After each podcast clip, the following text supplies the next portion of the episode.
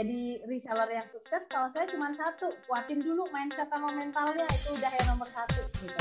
Tidak semua produk itu butuh untuk menggunakan influencer atau selebgram.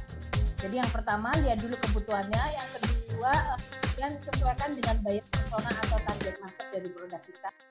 Uh, apa aja tips sukses menjadi reseller dengan modal yang minim? Apa aja sih resiko uh, ketika kita menjadi reseller? Tips sukses jadi reseller paling utama tuh tekun gitu. Karena kita hmm. adalah orang yang uh, anggap ya kita belum mampu jualan gitu. Dari mampu nggak mampu itu kan uh, prosesnya hanya dengan tekun gitu. Dikasih ilmu langsung konsisten praktek gitu. Dikasih materi di uh, di dan segala macam. Itu kalau tipsnya. Kalau resikonya mungkin uh, sebenarnya minim banget sih resikonya karena reseller juga nggak harus nyetok. Tapi ketika kita nyetok uh, mungkin ada levelnya agen atau distributor resikonya mungkin di stok. Ketika uh, si brand owner ini memberikan uh, apa namanya semacam target gitu. Jadi bulan ini harus capai target ini jadi harus belanja. Bulan target lagi. Tapi ternyata stoknya numpuk nih gitu. Nah mungkin itu di situ resikonya. Tips kalau untuk menjadi reseller yang sukses kalau saya cuma satu kuatin dulu mindset sama mentalnya itu udah yang nomor satu gitu.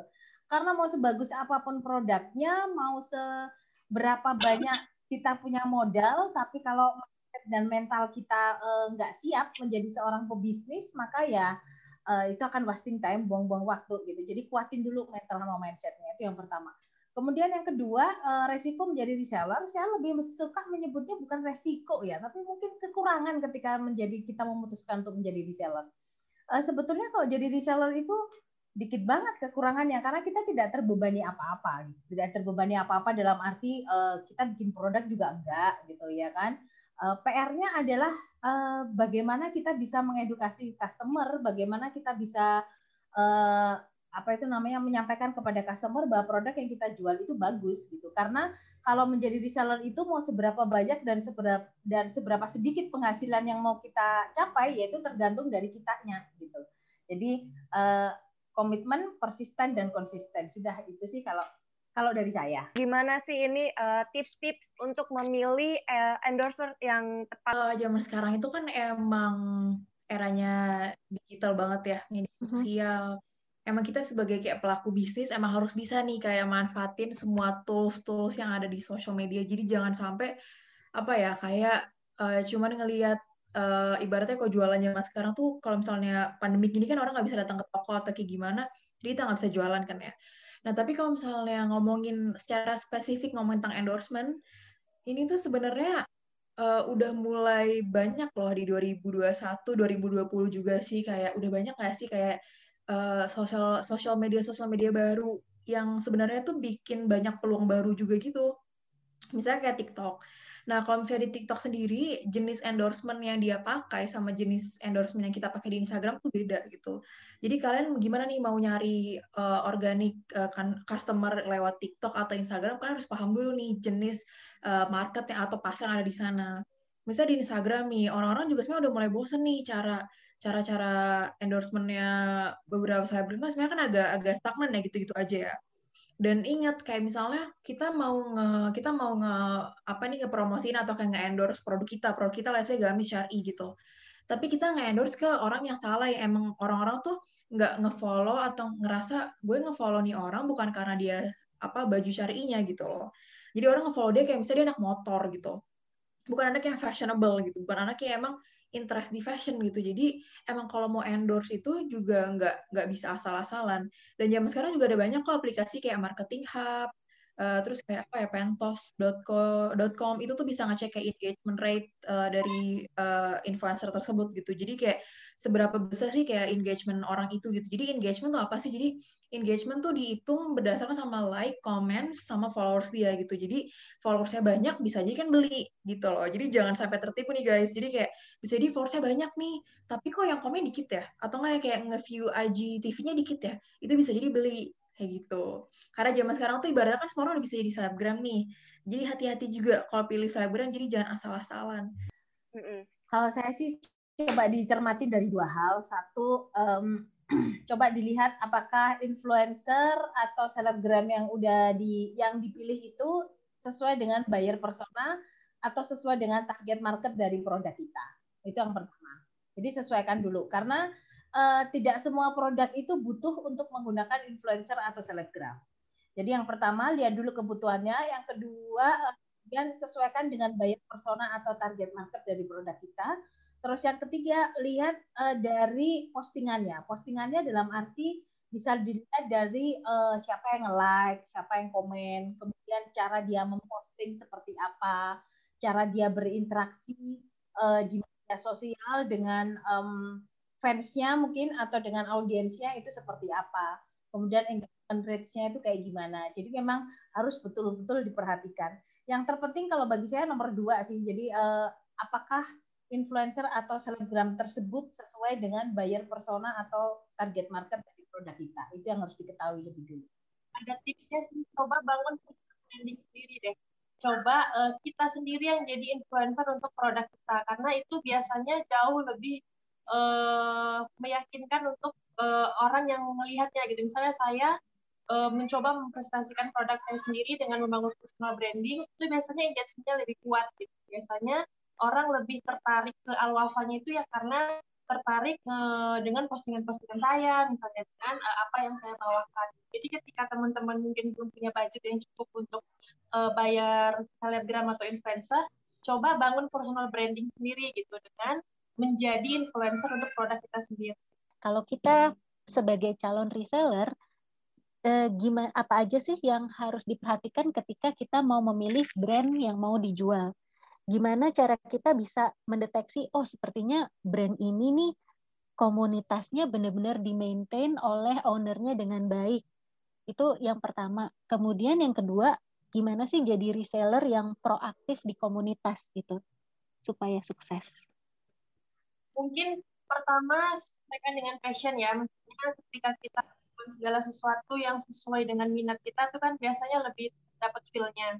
Hmm. Lalu yang kedua uh, bisa di uh, apa namanya dilihat dari aktivitas brand tersebut gitu apa ada nggak sih uh, aktivitas yang bisa membangun membangun apa namanya membangun apa ya membangun kita tidak hanya kita bisa jualan aja tapi diberikan motivasi motivasi untuk bertumbuh gitu untuk menjadi seseorang yang lebih bermanfaat kan.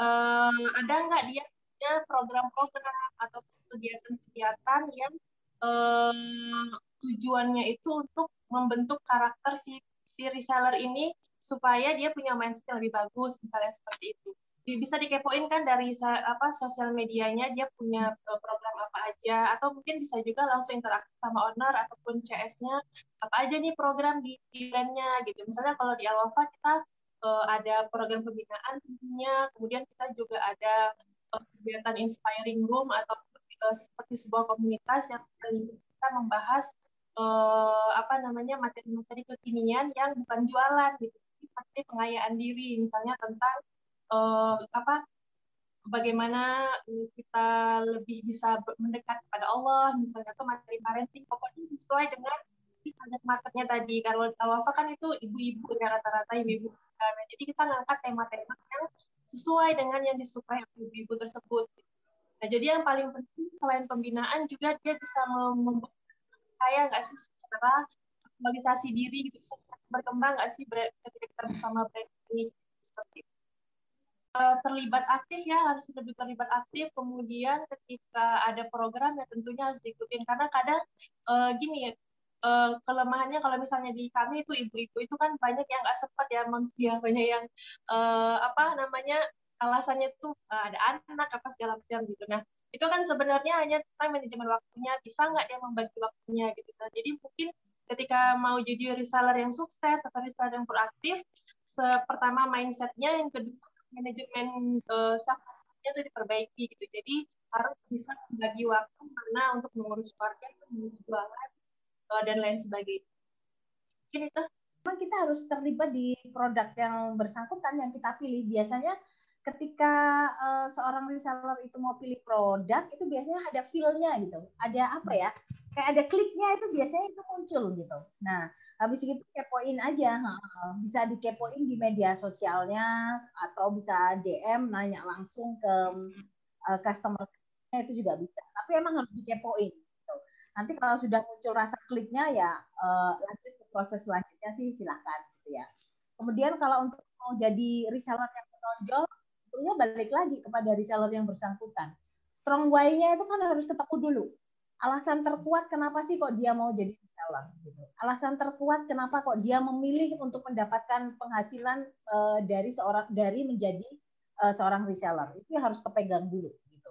Strong why-nya harus kepegang. Kemudian uh, yang kedua yaitu mental sama mindsetnya tadi gitu. Jadi ada strong why-nya, ada mental sama mindsetnya. Tiga ini kalau ini nggak kepegang ya dia nggak akan bisa menonjol mau di komunitas mana pun gitu ya. Karena itu yang membuat uh, seorang reseller untuk bisa berani tampil gitu, bisa berani tampil untuk bisa berani tumbuh dan berkembang. Apa saja nih yang sebaiknya perlu diperhatikan dalam membuat website usaha fashion? Apakah sebaiknya menyediakan fitur untuk melakukan pemesanan? Kalau fungsi websitenya itu untuk online shop itu untuk apa sih selain untuk melakukan pemesanan seperti itu? Sebenarnya emang benar sih website itu emang agak sulit kalau buat kamu pemula karena emang ibaratnya salah satu bentuk kita manfaatin tools di social media kan dengan manfaatin DM, terus naruh kayak link WA kita di bio gitu tuh. Kan sebenarnya WA tuh ada plus minusnya sih. Kalau misalnya WA let's say lebih personal aja gitu cara apa cara kita komunikasi sama customer langsung. Atau emang kita menaruh ke marketplace juga bisa kayak gitu. Tapi sebenarnya penting sih penting aja sih kayak gitu. Enaknya kalau misalnya kita punya kayak uh, website sendiri lebih kayak apa ya terpusat aja gitu database-nya. Jadi kita bisa kayak uh, punya sistem yang nge-track uh, apa ya orderan langsung, udah kita shipping atau belum, udah bayar apa belum, nggak perlu kita follow up gitu loh. Jadi kayak ibaratnya sistemnya udah akan langsung nge-follow up secara otomatis kayak gitu. Menurut aku tuh enaknya kayak gitu sih. Dan emang banyak brand-brand yang aku lihat di Indonesia yang udah mereka emang langsung fokusnya jualannya via kalau nggak di marketplace dia udah fokusnya jualan website kayak gitu. Karena emang lebih enak dan lebih rapi nggak sih kayak gitu? Apalagi kalau misalnya brandnya udah gede. Jadi kalau setiap open order tuh kayak yang masuk ribuan chat. Kalau WhatsApp kan nggak nggak ini ya eh, nggak uh, nggak fair lah gitu ibaratnya. Kadang kayak yang chat bawa-bawa tuh ketumpuk apa gimana. Jadi kalau misalnya pakai website ya udah gitu. Open order jam 8 jam 8.15 habis ya udah gitu. Itu yang ngurus itu udah kayak sistem langsung kayak gitu itu enaknya sih. Dan emang maintenance punya website pun juga nggak gampang gitu. Jadi kayak harus ada beberapa biaya maintenance-nya. Mungkin kita harus nge-hire kayak orang IT dan segala macam gitu. Jadi itu kembali lagi ke kondisi bisnis kita masing-masing. Uh, kalau menurut aku website bagus sih. Tergantung juga dari model bisnisnya mau seperti apa. Kalau B2B bagus pakai website. Tapi kalau B2C apalagi yang untuk pemula mungkin lebih baik uh, platform sosial media atau sosial uh, platform sosial media atau platform media pesan ya. Platform distribusi konten macam kayak YouTube kayak TikTok itu bisa dipergunakan. Karena kalau bagi pemula ya sosial media Anda yaitu adalah alat promosi Anda gitu. Media pesan Anda yaitu adalah uh, alat promosi Anda gitu. Karena uh, untuk pemula bikin website juga kadang kita uh, ada beberapa yang terbentur dengan sejumlah nominal karena tidak semua di dibarengi dengan kemampuan untuk membuat website gitu ya Nah, Uh, kalau di tempat kami kebetulan karena kami uh, ada sistem integrasi web yang kita develop sendiri. Jadi memang kita nggak pakai aplikasi tertentu, tapi memang kami mendevelop sendiri sesuai dengan uh, kebutuhan yang diperlukan. Jadi bisa lebih agile gitu. Tapi kalau secara overall penggunaan website oke okay sih, terutama kalau untuk yang B2B ya. Pertama website itu website itu menambah menaikkan brand kita, jadi menambah trust gitu. Jadi ketika orang kepo uh, oh udah ada websitenya nih berarti ya memang uh, bukan uh, website kadang kan orang suka curiga ini uh, penipu nggak ya all shopnya? gitu. Ini nggak ya? Uh, aku uh, tipu nggak nanti kalau belajar di sini? Karena kalau sosial media aja kan gampang buatnya. Tapi kalau dia udah develop uh, website tuh pasti dia sudah ngeluarin budget dan dia serius gitu. Nah kalau untuk uh, apa namanya kalau yang mungkin lebih besar lagi seperti Mbak Diana bilang tadi yang memang butuh butuh tambahan tenaga daripada nambah-nambah CS lebih banyak, mungkin dengan website lebih mudah gitu dan bisa lebih sistematis dan kapan aja bisa dilakukan.